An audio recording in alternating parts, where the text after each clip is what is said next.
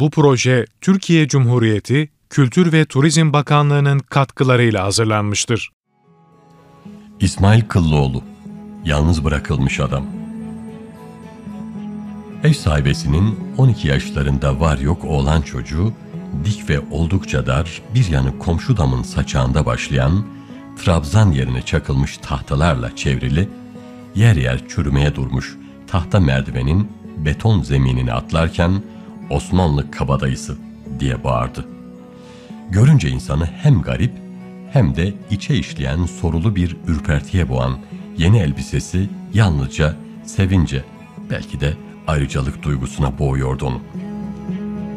Ayağında frank ipinden siyah dökmeli bir şal var, sırtında yan kollu, göğüsleri sırma işlemeli, yakasız, kaba el örmesi bir aba, bunun altında temiz, kırışıksız ipekten bir pembe yelek vardı.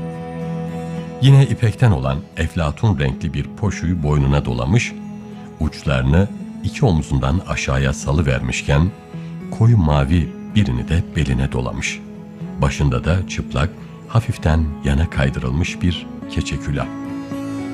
İşte bunlar veriyor olmalıydı ona bu sevinci ya da ayrıcalık duygusunu.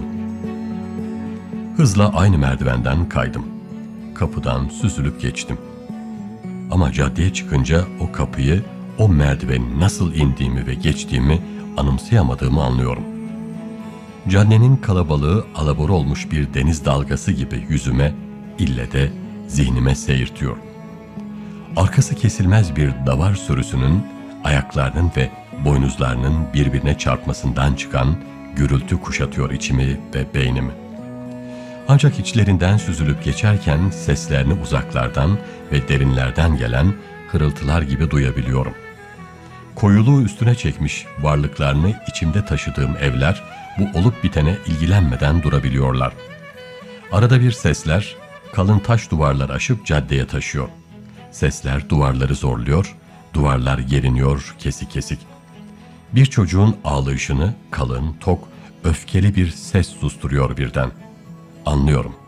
Baba yaylana yaylana gelip geçen araba ışıklarında damlasının dökülüşlerini açığa vuran yağmur her haliyle sıkıntımı arttırıyor. Yağmur damlatan önce parlıyor Arnavut taşlarının manda derisi yüzeyinde. Sonra kayboluşunu göremiyorum. Ama kara taştan kırbaç gibi dövüşünü belleğime iyice kazıyorum. Bu yağmur kutsal bir cezadır sanki de. Hükmünü önce toprağa uygulamaya başlıyor. Ama toprağa bu parke taşları koruyor. Ve yağmurun şiddeti, dolu dizgin öfkesi buradan geliyor sanki. İnsanlar mağara önünde durup şaşkına uğramış zavallı varlıklar gibi biçimlerini ve anlamlarını yitirmiş, bunları aramaktan da bütünüyle yoksun edilmiş bir durumda görünüyor. İşte bu gölge varlık durumuna düşmüş veya düşürülmüş insanları içimden görüyorum. Dalgınlığımın ağırlığı altında Kanlıdere Köprüsü'nü yandan geçiyorum. Taş basamaklarla bit pazarına iniyorum. Çamur ve yağmur sellemesinin verdiği bezginlik duygusunu öbek öbek çeteterin oluşturduğu yığınlar, gidip gelen birbirini ezercesine yürüyen, durunca başkalarının yürümesini engelleyen kalabalığın verdiği güçsüzlük ve öfke duygusu çoğaltıyor mu yoksa insanı yıkıcı başka bir duyguyu mu üretiyor bilmiyorum. Göğe bakıyorum, gök kayıp, boşluk. Boşluk da değil. Kalabalıktan sıyrılmak için adımlarımı sıklaştırıyorum. Ama yürümemi dengeleyemiyorum. Boşluk büyüyor. Önümü kesen insansız gölge varlıklar değil de öbek öbek çete yığınlarından yöreye yayılan davul ve hey hey gürültüler oluyor. Boşluk değil, koşuyor gibiyim. Gerçekten koşuyormuşum gibiyim. Koşmuş gibi. Boşluk değil. Hiçbir şeye aldırmamaya karar veriyorum. Yani beni engellemeye uğraşanların bütün uğraşlarını boşa çıkarmaya karar veriyorum, verdim. Boşluk ölüyor. Belediye alanına çıkarken belediye alanı bomboş, boşluk değil. Belediyenin balkonunda asılı kapkara, kararttıkça karartmış kapkara bir resmin gölgesi zift gibi üstüme doğru ağarken, kaçmaya uğraşırken boşluk değil. Boğazkesen Caddesi'ne doğru koşuyorum. İçim yapış yapış. Ağlamak için ellerimi sıkıyorum, ellerim küçülüyor. Dirseğimden kopuyor. Taş gibi bir acı büyüyor içimde. Taş gibi, taş. Omuzlarım dökülüyor. Ağladığımı duyar gibi ürperiyorum.